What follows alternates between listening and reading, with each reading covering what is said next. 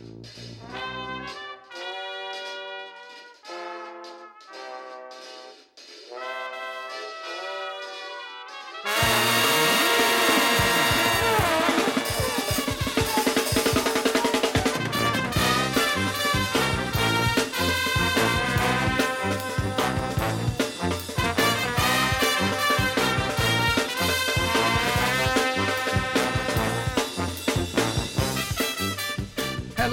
croeso i benod 63 o Sbeidiau Heilog gyda fi, Lee Jones. A fi, Llwyd Owen, lle byddwn ni'n rhoi'r sylw i'r pethau bach sy'n ei gwahaniaeth mawr i ni yn ystod y cyfnod honco bonco, diben draw hwn sydd yn mynd mlaen am byth. Dyma just bywyd go iawn na, bywyd yeah, cyffredin. Dwi yeah. ddim yn honco dim mwy, just bywyd go iawn. Yeah. Ond ie, yeah, diolch i chi am rando. Dyn ni'n bodlediad wythnosol, felly cewch rando bob wythnos. Peidiwch ag anghofio i dan ysgrifo. Nac i'n dilyn ni chwaith ar uh, cyfryngau cymdeithasol ar Twitter at ysbeidiau heipod neu ar Instagram at ysbeidiau heilog er mod i heb logio fewn ers rhyw fisoedd llawer uh, ar Instagram, ond ty beth. Um, yeah, felly, Uh, be arall? O oh, ie, yeah, os ydych chi eisiau cefnogi ni, cofiwch, dwi heb wneud hwn ers, ers fel, please. Ti'n gwneud yn really, really shit. ni, ni ddim yn mynd i ddechrau eto, chwaith. This is na, it, what am I Na, na, na, dwi'n mynd as, dwi'n mynd digon as, dydw i. Dwi'n mynd eisiau gwneud y dwywaith. Um, Ie, yeah, uh, felly os ydych chi eisiau cefnogi ni, ydych chi'n gallu rhannu'r podlediad. Sym neb eisiau cefnogi ni ar ôl clywed yr intro yma, man. os ydych chi eisiau euthanasio ni, uh, wel, ie, yeah, dyma'ch cyfle. Na, felly, um, o, oh, dwi ddim yn gallu, dwi ddim yn gallu pasio'r pasio plat rownd y capel nawr ar ôl uh, yr intro. Ond, ond, ond os ydych chi'n teimlo'n flush... Ti eisiau trio? Ie, yeah, os, os chi'n teimlo'n flush, fi'n fi, fi, fi, fi broffesiynol yn y maes yma. Uh, Ddarlledwr proffesiynol ni, so os ydych chi, os chi'n teimlo'n flush, os ydych chi'n cael eich talu, uh, os ydych chi eisiau prynu coffi ni, neu, ti'n mo, be bynnag, chi'n gallu gwneud hynny trwy coffi, a mae'r wybodaeth i gyd ar ein link tri ni, a hefyd ar ein cyfrifon cyfryngau cymdeithasol. That's how you do it, mate. Dyna fe. Boom. Mic drop. Ti'n Ti'n gwneud iddo fe edrych mor hawdd, Llwyd. Ti'n gwybod beth sy'n bod yn oh.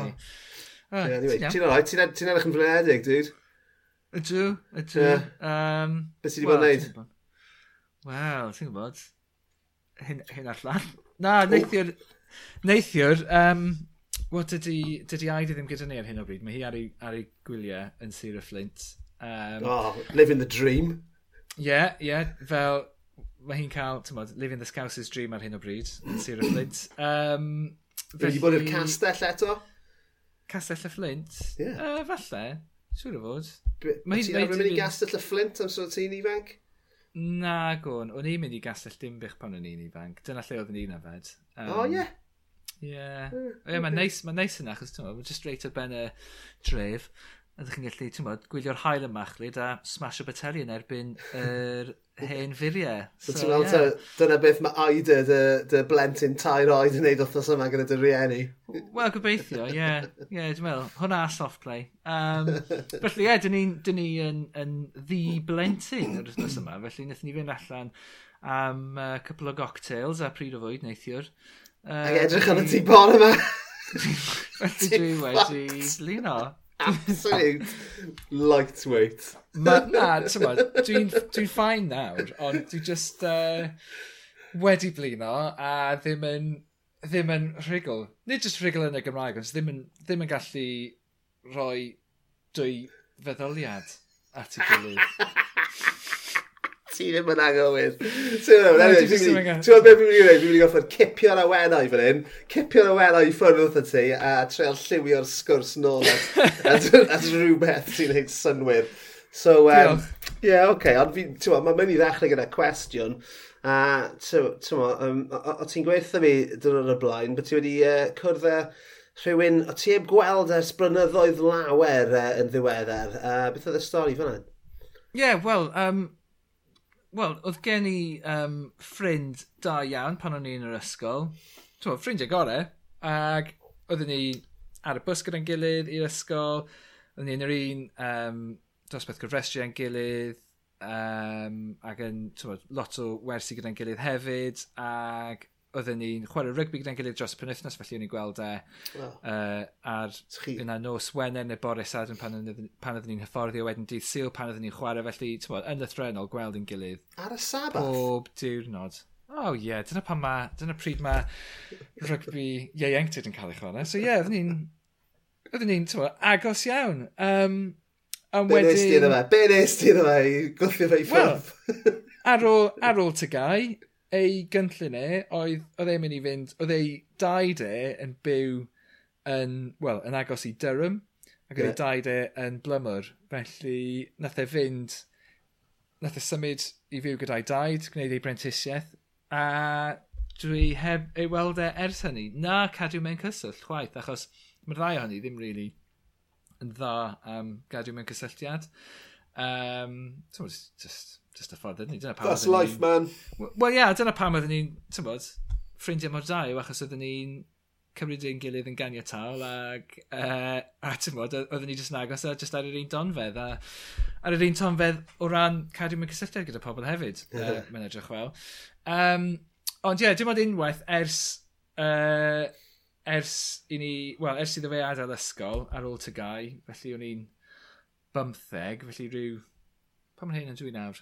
Be di'r flwyddyn? So ie, yeah, rhyw, rhyw 19 mlynedd yn mm. ôl.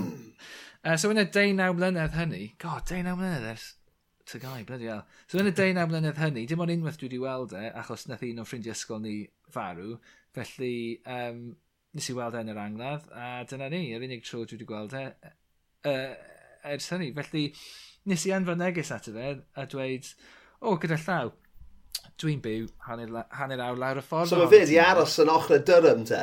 Do, do. Yeah. Wel, mae ganddo fe, mae ganddo fe di bach, hen di um, teres mewn hen bentref uh, glowyr. Um, felly, ie. Yeah.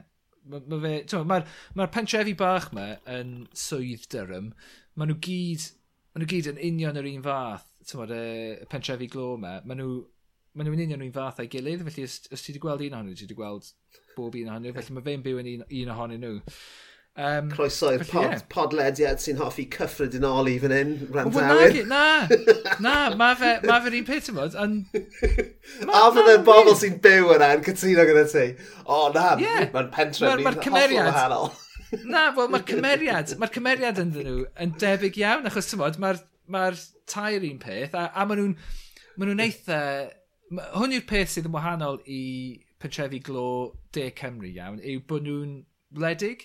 Mae yna right. bentrefi just yng nghanol nunthau, um, achos yna lle oedd y glo, yn, yn amlwg, yn, yn, yn, Ne Cymru, oherwydd y cymoedd, oherwydd y deiryddiaeth, a cymoedd a'r mynyddoedd mawr serth, mae pob dim jyst yn mynd ar weilod y cwm a, yeah. a diwydiannu mawr. Felly mae ma, ma di cael ei datblygu o fewn le daearyddol eitha bach yn gymharol, ond yn, yn, yn Ngogledd Lloegr, Gogledd Dwyrain Lloegr a bod, yn uh, Swydd Efrog hefyd, beth sydd gennych chi yw pentrefi yma mewn ardaloedd sydd yn edrych yn eitha gledig.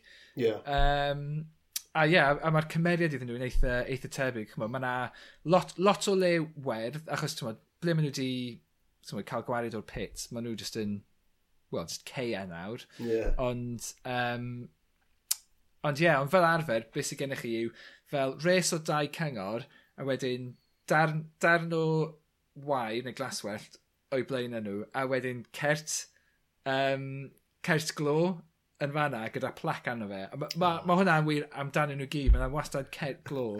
Achos yng Nghymru, fel efo, ydych chi'n cael y, fel y pithead, ydych chi? Ydych. Dyna be, dyna be ydych chi'n cael rhan am yn e Cymru. Ond ie, yeah, fa, uh, fyny fama, ydych chi'n cael y, y, y cert. Um, sydd yn, ie, yeah, oh, yeah, mae nhw gyd yn, maen nhw gyd yn reit debyg, ond ie, yeah, so mae fy ffrind i, Adrian, mae fe'n byw yn fanna. Um, a nes i fynd draw... Pa mor uh, bell i ffwrdd yw, yw Durham o, o, o Whitley Bay? Tua hanner awr. Oce, okay, yeah. oce, okay, oce. Okay, yeah. Ddim yn bell. Um, so, ie, yes, so nes i fynd i weld e. Fi ag Aida, nathon ni fynd. Um, a, ie, yeah, treulio prynawn gyda gilydd, mynd am dro, gweld lot o fadarch. Ag, um, ie, yeah, a mae jyst y... Uh, Mae jyst mor weird ailgysylltu gyda ffrind ar ôl yr amser yma i gyd. Achos, wel, fe nath cyflwyno fi KFC pan oeddwn i'n fach. Ti'n gwybod, oh, beth am KFC. Oeddwn ni wastad yn mynd i KFC yn ryw. Um, dyna beth oeddwn ni'n gwneud ar ein prynawn sadwn. Ag um, nawr mae fe'n vegan. Ag uh, pan oeddwn ni'n tyfu fyny, fe oedd yr un oedd yn yfed y mwyaf ac oedd yn, ti'n bod, hollol tywod, out of control pan oedden ni'n yfed, a wastad gwneud yeah. pethau mwyaf gwirion a hit a... Sat Satanism, popeth fel pethau fel yna? Wel, ie, yeah, pob dim fel na. Ond nawr, ti'n modd, dwi e ddim yn yfed chwaith. Felly, um, just odd, ti'n gwybod, yr un person yw e. Oedd e chi, ti'n mo, yr un mor hawdd i siarad gyda'ch gilydd, oedd na unrhyw fel, ti'n mo, oedi, uh, anghyfforddus na dim byd, oedd e just fel... Na. Yeah. Oedd e na reswm, oedd na reswm bod chi'n ffrindiau mor agos na yeah. chi'n ifanc. Ie, ie, ie. A ti'n bod, ni jyst yn gallu siarad, just, uh, well, siarad am, ti'n bod, ffrindiau eraill, o, ti, ti mewn cysyllt â hwn? Ie, yeah, ie. Yeah. Ti mewn cysyllt â hwn? Na, gydw. O, na, nath ei dad e farw, o, o, ie, nes i ddim clywed am hynny. Ti'n bod, just, pethau, ti'n bod, just, dal fyny, ie, fel, fel bod ni heb bod ar wahân. Felly oedd hwnna... Wel, dyma hwnna, hwnna yw, nice. um, ti'n meddwl, dyna'r dyna beth sy'n profi bod bod chi'n ffrindiau da am byth. A mae yna bobl fel hyn yn does yn rhan o bywyd pawb lle, ti'n mo, chi'n gallu mynd, es i, es i degawd heb weld fy ffrind i George. O'n i'n agos iawn gyda fe'n tyfu lan. Uh, Wel, es i mewn tro cyntaf mewn degawd, dwi'n meddwl dros y pasg, neu falle dros, y, dros yr haf. Dros y pasg, dwi'n meddwl. A oedd e fel bod ni wedi gweld yn gilydd ddoe. A oedd e mm. just, ti'n meddwl, oedd e, y e sgwrs yn llifo, oedd e dim unrhyw beth o oedi. A mae fe'n, ti'n meddwl, mae fe'n, a, a, a, a, joc yw, amser ni, amser ni yn y coleg yn Mangor, oedd, oedd tri ohono ni'n agos iawn, um, fi George a, a Pelch. Mae Pelch yn byw yn, tre, yn, yn Tregarth yn y gogledd a mae George yn byw yn yr eglwys newydd sydd tu am milltir i ffwrdd o lle dwi'n byw.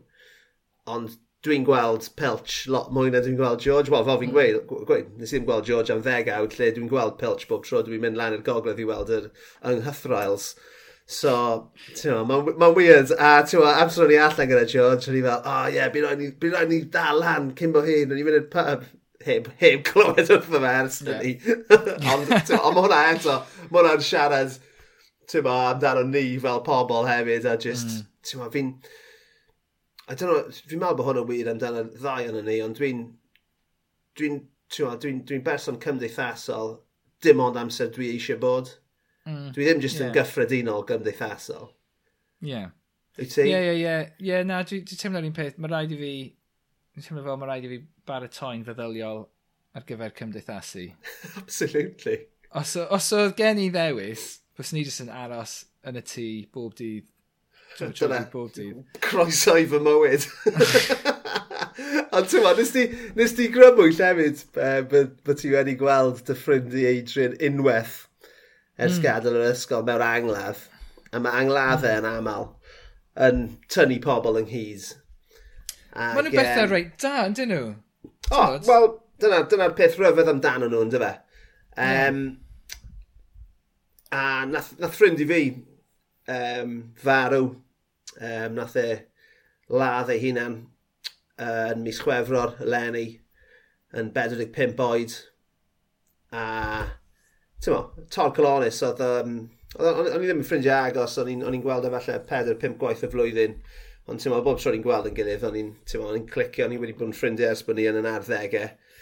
A dim syniad y fi bod e'n um, yn dioddef Um, Wel, hmm. actually, dwi'n ddim cweith yn wir. Oedd e'n eitha agored am ei, uh, ei, ei, ei, ei e ups and downs, uh, ond mm. dyn ni hmm. ddim yn sylweddoli pa mor ddifrifol oedd yr achos, I guess, mm. a ti'n meddwl bod e yn ystyried lladd ei hunan. Ond dyna beth ddigwyddodd. Ond, um, ti'n meddwl, obviously, torcalonis o drist, ond nath e arwen at, nath e, i farwolaeth e arwen at ddau addyniad, Um, un yn, y, yn yr angladd, ond un, ti'n bo, uh, cwpl o thnos ar ôl iddo fe farw cyn yr angladd hynny yw, a nath yn ffrind i uh, James uh, gysylltu gyda llwyth o bobl o'r ysgol, ti'n bo, pawb oedd yn, oedd yn, yn, ti'n bo, yn yn blwyddyn ni, a trefnu i gwrdd uh, yn y railway ym Mhenarth, sef local uh, Gareth nath, nath farw. A ti'n fel ni jyst yn gweud am, am yr ochr gynnydd, o'n i'n dredo fe, o'n i'n fel, ffucking hell, sa eisiau gweld y bastards yma. sa'i so wedi gweld nhw ys, can, ys chwarter canrif, a ti'n fawr, sa'i eisiau dechrau. nawr. Ond, ond, ti'n fawr, ond, mae'r gwrthwyneb yn wir, oedd hi'n noson ffantastig, a oedd actually'n gret gweld pawb, a hmm. oedd na, oedd na, ti'n fawr, bobl o ti yna agos gyda, yn yr ysgol. Pobl o ti, o'n i mewn, ti'n yn, yn, mewn dosbarth cofrestru gyda rhai, ond nhw am saith mlynedd. Mm. Um, so, ti'n ma, a wedyn o'n i am gweld nhw ys, ys chwarter canrif, falle mwy. A wedyn, chi yn yr un ystafell, a mae'n rhyfeddol, sy'n neb, sy neb wedi newid rhyw lawr, mae'n pawb mynd yn hun a mwy tew a gwell nhw i gwyn, neu falle dim gwell o gwbl ar ôl dyn nhw. Ond ie, yeah, oedd e'n, oedd e'n, ti'n ma, oedd e'n, oedd e'n really, oedd e'n rhywbeth positif iawn um, i ddod allan o'r digwyddiad tragic yma. Um, mm. ond... Wel, dyma'r thing yw, ti'n gwybod, mae'n ma really weird sut mae sut, sut rydyn ni fel, fel cymdeithas yn edrych ar farwolaeth. So, mae ma, ma marwolaeth yn rhywbeth tabw yn cymdeithas, yn, yn ein cymdeithas ni. A mae hynny'n dod o oes Victoria, tymod, rhywbeth arall i feio arnyn nhw. Ond, tymod, cyn hynny, tymod, oedd, oedd, chymod, achos oedd, oedd marwolaeth am, tymod, just yn rhan anatod o, o fywyd, tymod, oeddech chi'n gweld pobl yn marw o ddydd i ddydd, neu oeddech chi'n gweld, um, tymod, oeddech chi'n gweld pethau fel yma, oedd hwnna just yn beth naturiol. Ond yn oes Victoria, o hynny ymlaen, mae ma, marwolaeth y hun wedi dechrau cael ei guddio gan bobl, felly dwi ddim yn rhan o ddydd i ddydd i bobl. Felly, dwi'n, byswn ni'n dweud, mae hynny'n gwneud galar yn beth lot mwy cymleth i'w ddelio gyda, achos dydych chi ddim yn used i marwolaeth yn gyntaf. Uh, Tyma, ydych chi'n gwybod sut i ymdrin am marwolaeth a sut i brosesu'r emosiynau o gwmpas e, achos dydych chi jyst ddim yn gwybod amdano. Tyma, un o'r pethau hefyd yw um, o'r blaen oedd um, oeddech chi'n cael eich claddu yn um, chmod, yn, yn eich eglwys leol chi. Ond yn oes Victoria, nethon nhw dechrau adeiladu'r mynwenta anferth yma ar gyrion dinasoedd. Felly yeah. oedd oedd e'n out of sight, out of mind fath o beth. Chymod, doedd dim rhaid i chi feddwl am farwolaeth, oherwydd oedd e i ffwrdd o, o bywyd dydd i ddydd.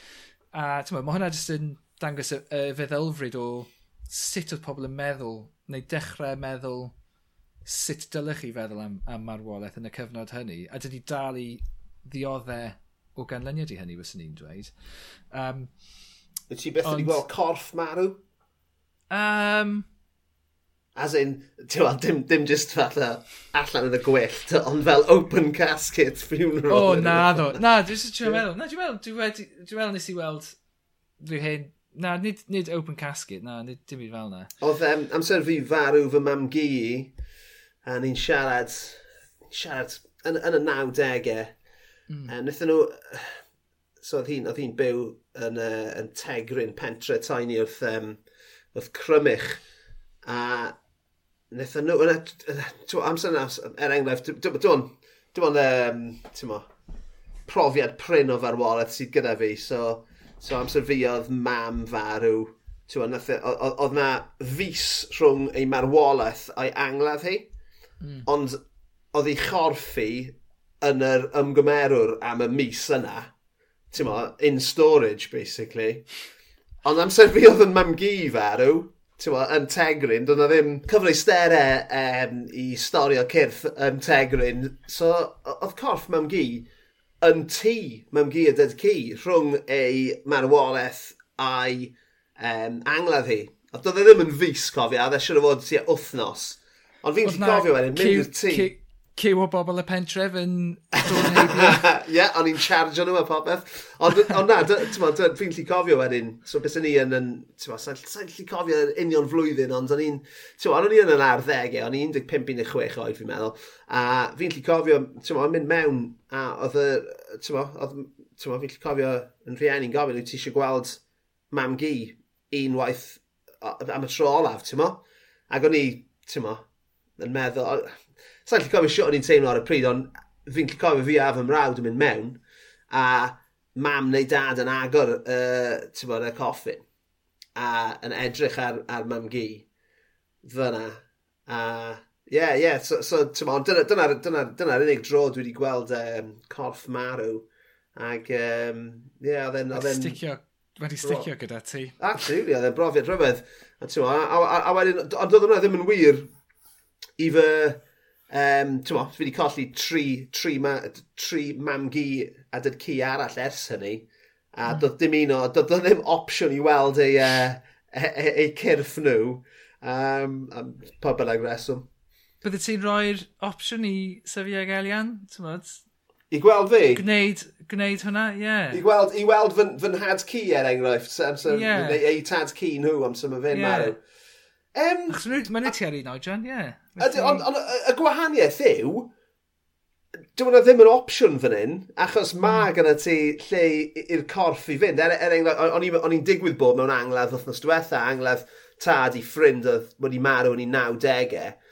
Um, a, a, a mae yna ma rhyw fus wedi bod rhwng ei farwolaeth e a'i angladd e hefyd, as mae yna ma, lot o bobl yn... yn mae yna backlog. Oes, mae yna backlog yn ar fan hyn. So, Um, Tymo, unwaith eto, oedd y corff just in storage, fi'n meddwl yn ysbyty Llandoche am bythefnos, a wedyn gyda'r ymgyrmerwr am bythefnos arall. Doedd e ddim yn dod yn agos i'r tŷ, so, tymo, mae ma, ma chwilfrydedd yn rhan o'n fe hefyd, achos sy'r sy corff yn y tŷ gyda ti am wythnos, mis, mewn mynnag. I don't know, man, bys y ti, bys ni'n definitely ne, bys ni'n cael swper o stwff gyda'r corff, yn meddwl. Wel, bydde ti ddim yn troi'r gres canolog ymlaen.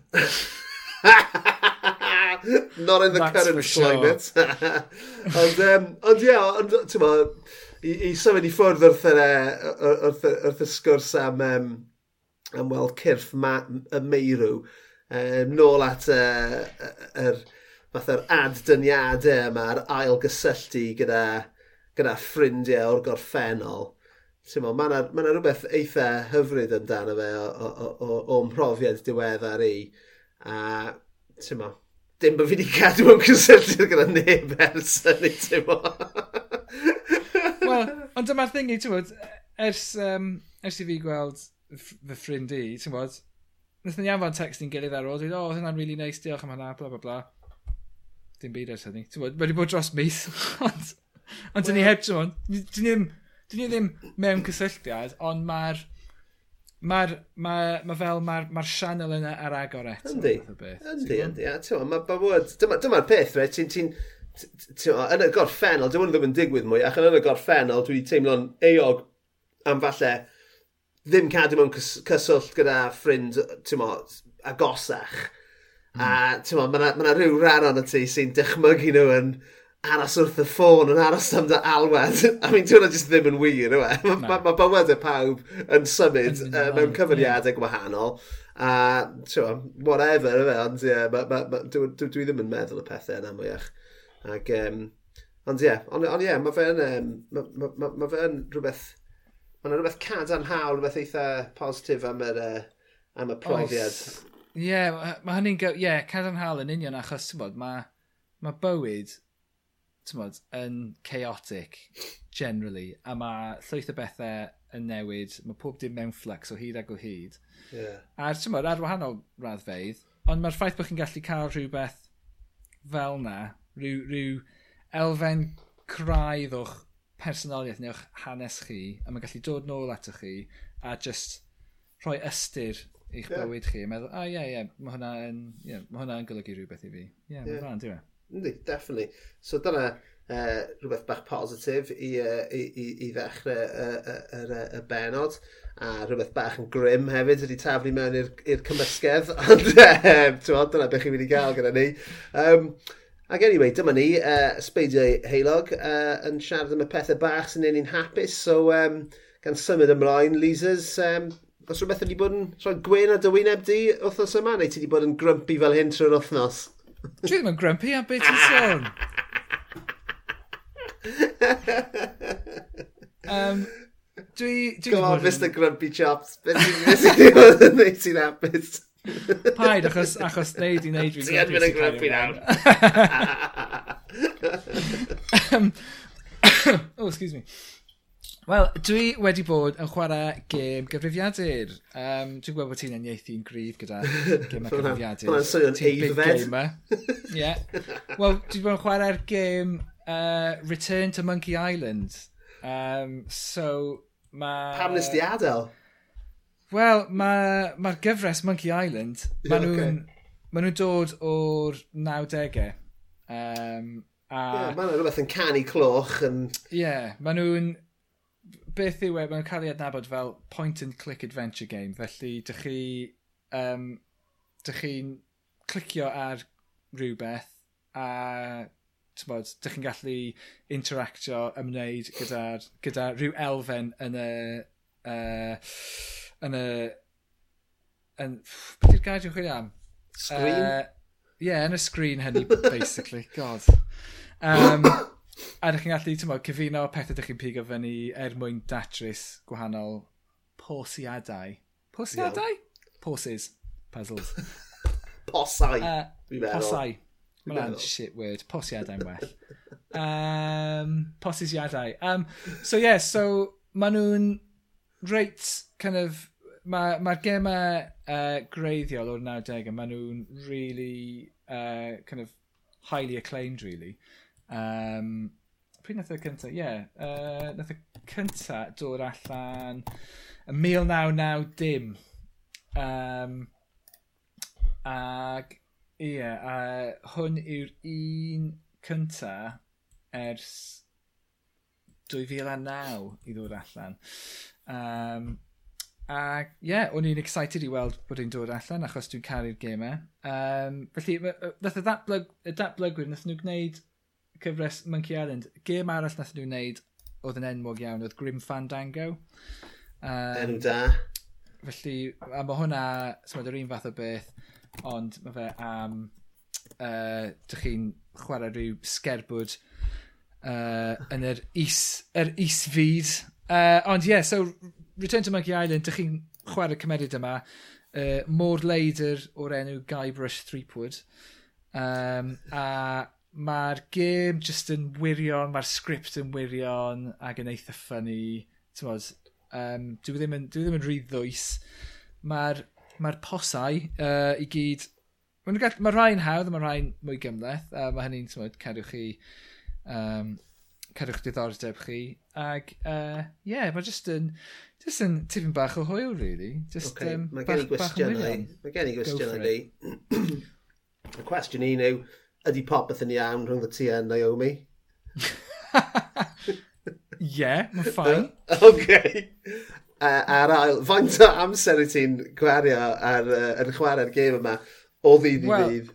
Di'r gêm yma ddim yn gêm hir. Nath e gymryd tua pedwar diwrnod i fi gorffen hi. Be, pe... Um, so, ti'n mo, beth yw e yna?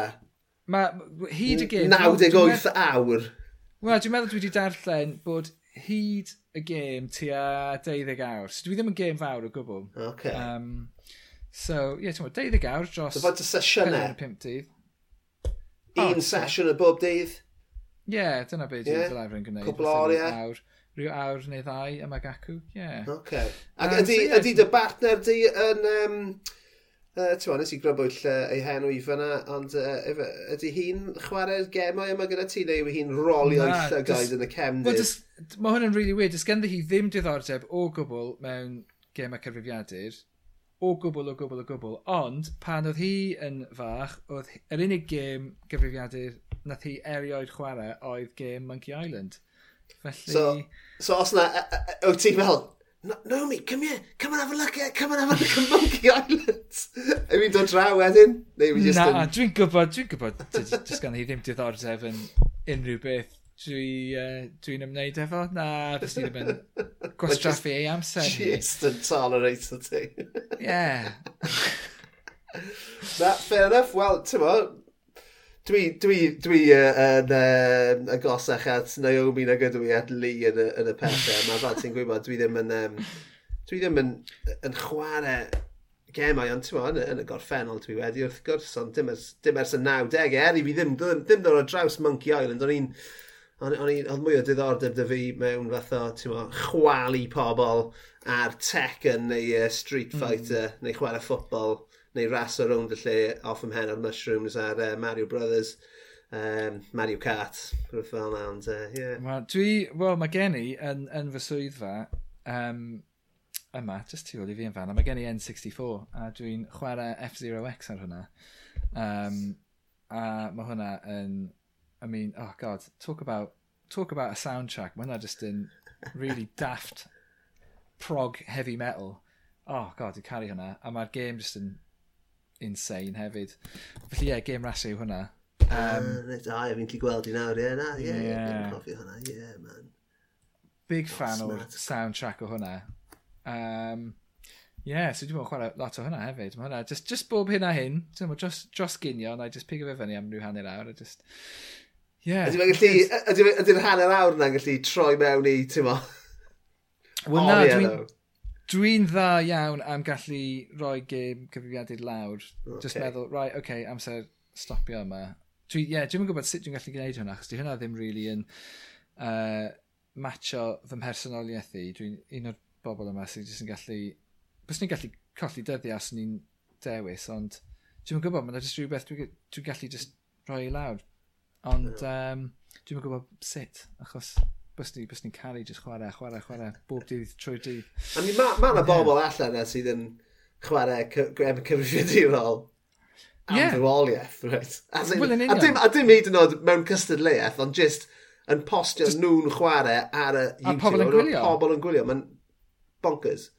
Wel, dyma, mae yna jyst yn dweud, dyma, dyna um, faint o frodyr bach sy'n yna yn y byd, sydd wedi tyfu fyny, jyst yn gwylio pobl eraill yn chwarae yeah. gemau. Ac maen nhw jyst yn used i, i hwnna, falle, I suppose. A ie, yeah, maen nhw jyst yn hwyl. Ta beth? Dwi ddim yn deall. Really. dwi ddim yn deall. Ond, dwi ddim yn... Dwi ddim gwaith o gwbl, ond mae hwn yn segwe. Mae hwn yn segwe da i'r peth sy'n neud fi'n hapus, achos mae yna ma bethau dwi yn hoffi gwylio. Ti'n hoffi'r oh. segwe yna, ei? Professional. Diolch, diolch i ti am wneud hynny.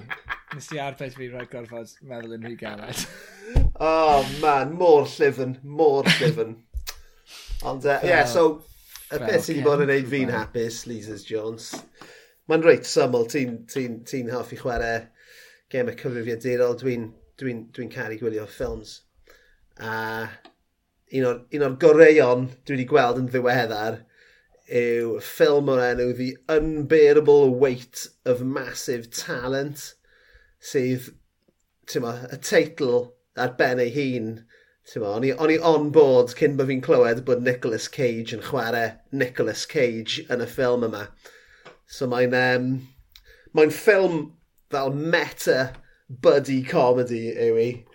Achos fel o'n i'n gweud, mae Nicolas Cage yn chwarae Nicolas Cage sydd yn cael rhyw crisis yn ei, uh, yn ei yrfa. A, ti'n mo, A wedyn mae fe'n... Ma fe so, so, so, dwi ddim methu cael, methu ffeindio jobs actio mwyach. Ond, um, a mae fe'n meddwl ymddeol, a mae fe, mae asiant e'n cael um, cynnig gan rhyw filiwnydd o Sbaen yn gofyn i Nicolas Cage fynd i dreulio'r pen wythnos gyda fe am filiwn o ddoleri. A gyda Nicolas Cage, ti'n mo, ar rock bottom, wedi cwmpa mas gyda'i gynwraig sy'n cael ei chwarae'n wych gan Sharon Hogan a'i ferch 15 oed. E, mae fe'n mynd off i Mallorca i fath o private estate um, boi o'r enw, os ydych cofio enw fe yn y ffilm, ond Pedro Pascal sy'n chwarae'r rhan, a Pedro Pascal wrth gwrs yw'r Mandalorian, a mae wedi chwarae Narcos a loads o bethau fel yna, boi ffernol o olygus.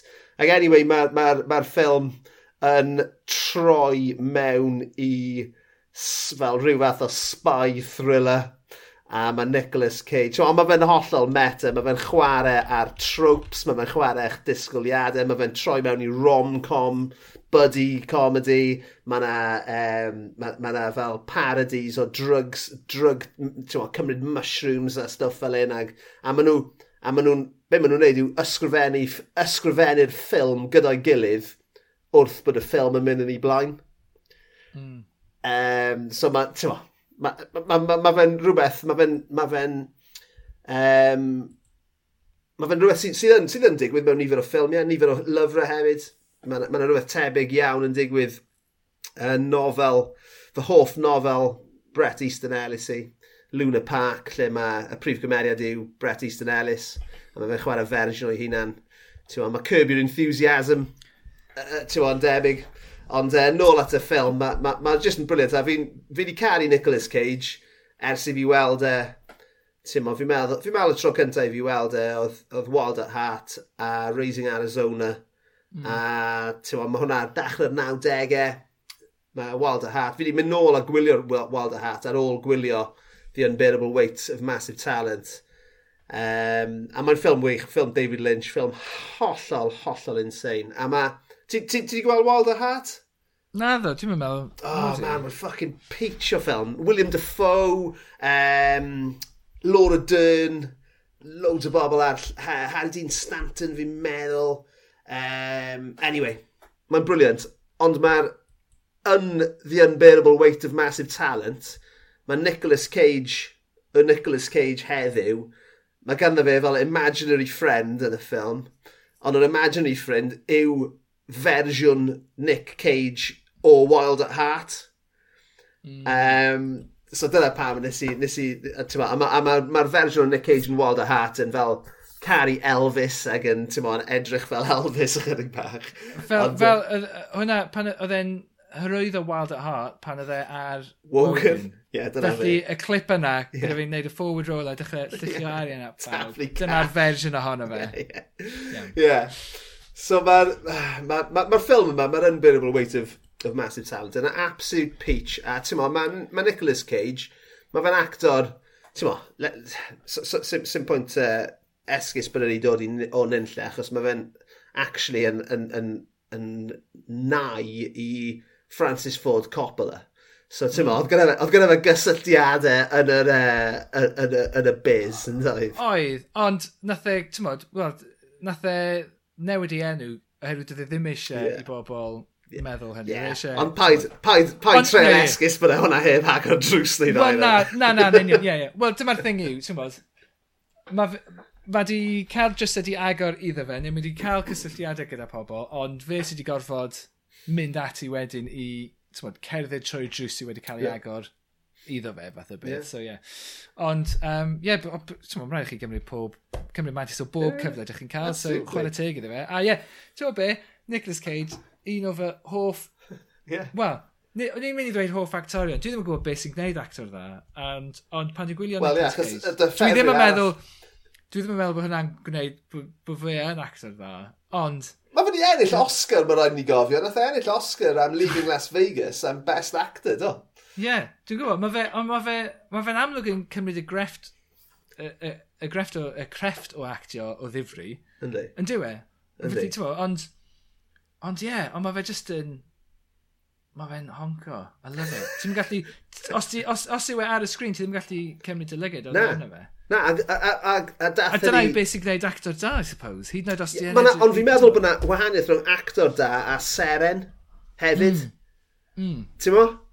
Um, mm. ma, ma, bys ni'n gweud bod Nicolas Cage, er bod e yn amlwg yn gallu actio, ond bys ni'n gweud bod e actually yn seren ffilm yn hytrach na actor mm. hefyd. Ond yeah, mae'na, yeah. yn amlwg mae'na, ti'n mo, mae'na ma, ma, na niwl fyna hefyd rhwng y, rhwng y ddau ddisgrifiad, ond ti'n mo, mae fe wedi mynd, ti'n mo, nath o ddechrau off, nath o com, com, comedic actor, really, gyda Raising Arizona, un o'r ffilms y cynnar y mm. Coen Brothers, a mae'n mae ffilm hyfryd, a mae fe yn chwarae boi o'r enw Hai, um, sy'n, ti'n mo, fe a Holly Hunter yn y brif rolau, um, e. pobl sy'n methu cael plant a'n penderfynu dwy'n plentyn um, gan deulu cefnog uh, mae uh, lleol, a mae hwnna'n swnio fel set-up really grim, ond mae ddim yn mae'n set-up, mae fe'n ffilm really ddoniol, a mae ma fel, um, os fi'n cofio'n iawn, mae fel, um, mae yna Hell's Angel yn troi lan, sy'n hel nhw a stuff, mae'n ma, ma, ma briliant. Mm. A wedyn, yng nghanol y 90au, gath e fath o streak, neu nath e, nath e gael hat-trick o ffilms uh, dod allan o fewn tua blwyddyn i'w gilydd, nath fynd â Nicolas Cage i, ti'n mo, fel ni'n gweud, o fod yn actor i fod yn seren. So, The Rock, mm. uh, Con Air, a Face Off. A mae hwnna'n, ti'n mo, mae hwnna'n streak, roed? Mae'n, mae, mae ma rhywbeth, ti'n mo, dwi'n ddim meddwl oedd pobl really yn sylwi ar y pryd, ond pan ti'n edrych yn ôl ar ffilmiau, ar arddull ffilmiau, Wel, mae yna ma arddull penodol o ffilmiau annibynnol o America o'r 70au. Tymriliau am fel Taxi Driver, Rocky. Tymod, mae yna ma arddull a mae yna ffordd mm -hmm. maen nhw'n edrych, iawn. Um, ond wedyn, yn y 90au, mae Blockbusters Hollywood yn 90au, mae yna arddull penodol i sut maen nhw'n edrych a'r ffordd maen nhw'n dod ar draws. So, Oedden rhywbeth ydych chi jyst yn cymryd ganiatal ar y pryd, o, dyma jyst sut mae ffilmiau. Yeah. Ond Nes, dwi wedi gwylio, dwi wedi ail-wylio'r drindod sanctaidd hynny yn ddiweddar dros y misoedd diwetha. Pai nes di wylio? Wel, well, y tri ohonyn nhw. O, ti wedi gwylio'r tri, sorry. Face Off. Ie, ie, ie, ie. Dyna pam nes i cyfeirio at y drindod. um, um, ond ie, ac a, mae, well, I mean, ti'n Mae Michael Bay, mae fe jyst yn... Mae gas gen i ffilmio fe, fel rheol. Fe sy'n gwneud y rock, right? Fe sy'n gwneud the rock, ond mae ma fe mor, mor ffynnu, achos mae fe, just pethau fel, um, mae yna careg fedd ar y, ar y dechrau, a mae'n dweud his wife. Dwi ddim yn dweud yr enw, yn lythrenol, mae'n dweud his wife. So, mae'n pwyntio'r peth allan yma, mae'n mor, mor stupid, ond yeah. oedd hwnna'n gweithio ar y pryd. Mae'n gweithio, dwi'n meddwl, mae'n gweithio yn hwnna a mae'n gweithio yn bad boys, ond dwi'n meddwl, pan mae Michael Bay's yn cymryd hwnna wedyn o fanna, dwi'n meddwl oedd y tirwedd o gwmpas yna, a'r cyd-destun o gwmpas ffilmiau yn gyffredinol wedi newid, ond oedd e dal i gwneud beth oedd e'n gwneud, felly dwi'n dwi meddwl dwi e ddim gweithio yn yr un fath o ffordd gyda'i waith hwyrach e. Ond The, the Rock, mae fe just a, mae mor hirt, mor mor hirt, a mae'n really, really hir hefyd, mae tia, pa mae'n hir yw e, dros dwy awr, dwy awr a chwarter yw e. Yeah. A ti'n modd, Doedd hwnna ddim yn digwydd yn y 90au. Oeddech chi'n, ti'n modd, 90 minutes, bish bash bosh. Ie, yeah, mae ffilms definitely mynd yn, yn, yn, yn, yn hirach yn gyffredinol, ond mm. dath y roc allan, fi'n fi dyfalu bod wedi allan tua 95-96, ie? Uh, mis Mehefin 96. OK, so ie, yeah, fi'n cofio gwylio The Rock lot yn ystod fy amser yn y coleg yn Mangor. A oedd e'n ffefryn hmm. yn y tŷ a gyda'r boys o'n i'n uh, treulio amser gyda. A dath Conor e allan yn gyflym Wedyn, iawn ar ôl ni do? Nath, so, mae mehefin y seithfed, 96, oedd The Rock. A wedyn, mae mehefin y chweched, 97, oedd Conor. E. Right. So, yn, twod, yn union blwyddyn wedyn, yeah. mae Conor e yn dod allan. Mae Conor, yn fy marn i, yw'r gorau o'r tri. Ie, yeah, Conor oedd y ffefryn ni hefyd. Ie, yeah, oh god, mae fe just yn hilarious. Mae fe mor, mor dda. mae mor, mor ridiculous. Dim Michael yeah. Bay nath wneud honna, na? Na, chi. Er bod hi'n um... rhannu DNA gyda um, The Rock, bys ni'n gweud. Ydy. Uh, so, Simon West uh, oedd hwnna. Felly, nath e uh, cyfarwyddo uh, fideo ar gyfer Never Gonna Give You Up by Rick Astley. Classic. Um, Ac o'n nhw'n meddwl, hei, mit, beth ti eisiau gwneud nesaf? Fi eisiau gwneud ffilm, eh. action film. I want to do an action film. yeah. Um, ond fe di... Ond hwnna, hwnna ei ffilm gyntaf fe, oedd Con Air. A hwnna'n insane. Yeah. Hwnna'n nuts, man. Pam, pam ti'n mynd i roi y cyllid yna? Yeah. Budget, budget o hwnna, $75 million. Pam ti'n rhoi hwnna i first time director? Ond obviously, mae di, ma di gwneud music videos a stuff, ond mae hwnna Mae hwnna'n insane. Yndi. Um, Nath y job da, chwarae teg, a hefyd i, i, i glymu nôl gyda The Unbearable Weight of Massive Talent, um, mae'r ma Unbearable Weight of Massive Talent yn dechrau gyda uh, un o'r golygfeidd olaf yn conir. Um, so, ti'n ma, mae fe'n, fel o'n i'n gweud, mae fe'n meta iawn ac yn, yn, yn, yn, introspective iawn ar, ar be, be mae Nicolas Cage wedi wneud yn ystod ei yrfa.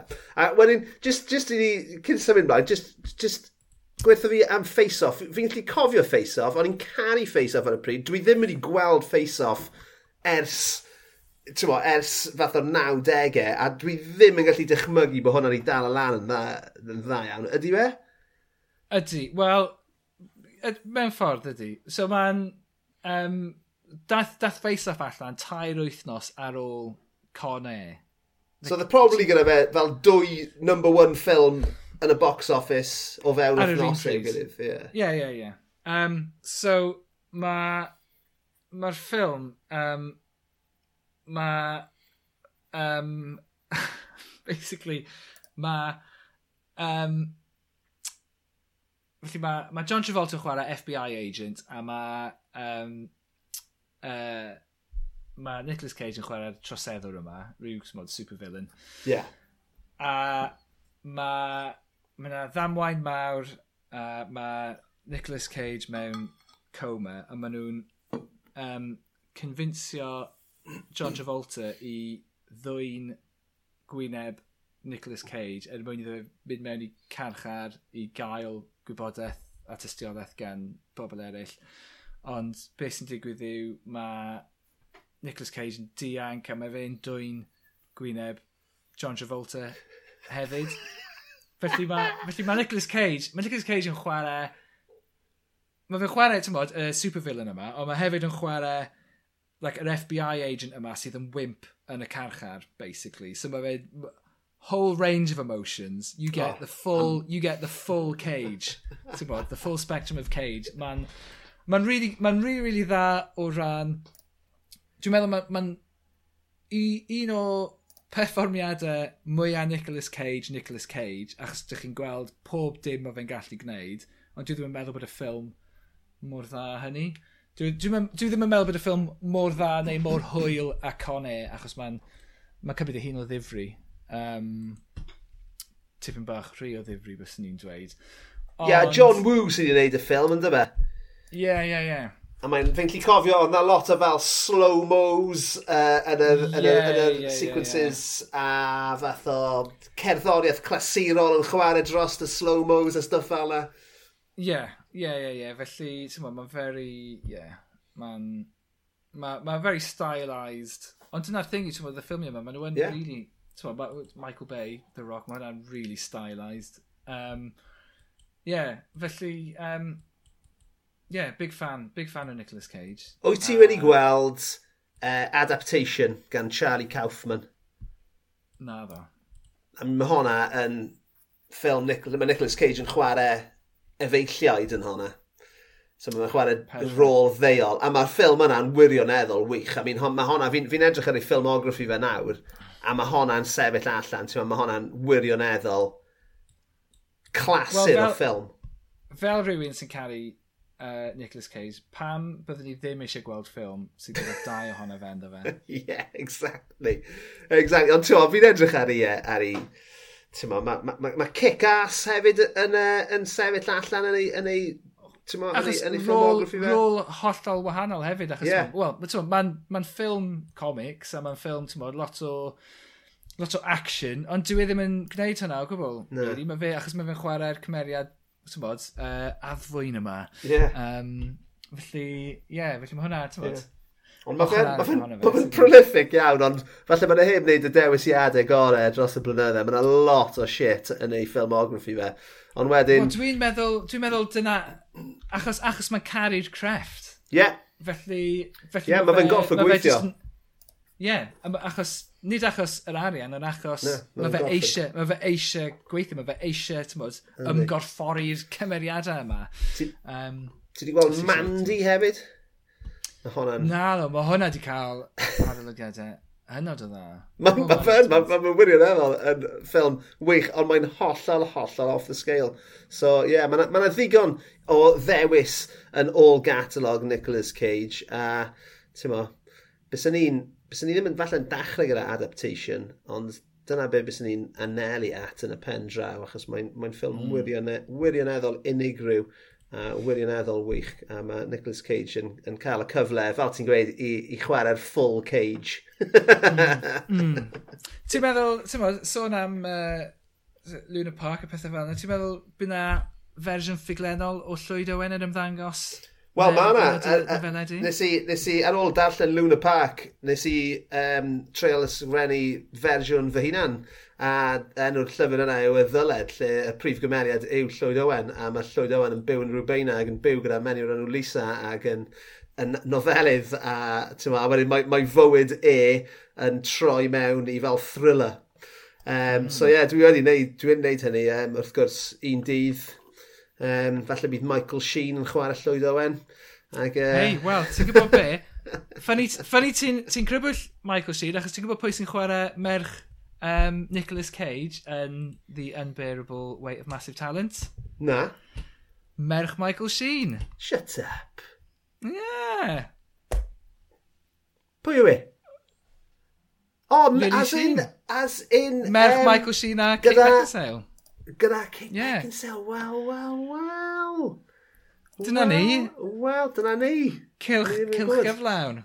Ie, yeah, man. Mae'n nuts, yma. Nuts. wel, wel. Wel, wel, diddorol iawn. Ysgwn ni os mae hi'n uh, yn weld y portal bot yn aml iawn. Mm. Tybed. Reit, Elisas, mae rhaid fi fynd nawr, mae rhaid fi fynd i wneud gwaith. Um, iawn, oce. Okay. Cerwch well. i wylio ffilmiau Nicolas Cage, cerwch i uh, chwarae Monkey Island, a cerwch mewn cysylltiad gyda ffrindiau. Ie, yeah. dyna ni, bish bash bosh. Bwm, gweld chi tro nesaf. Ta-ra.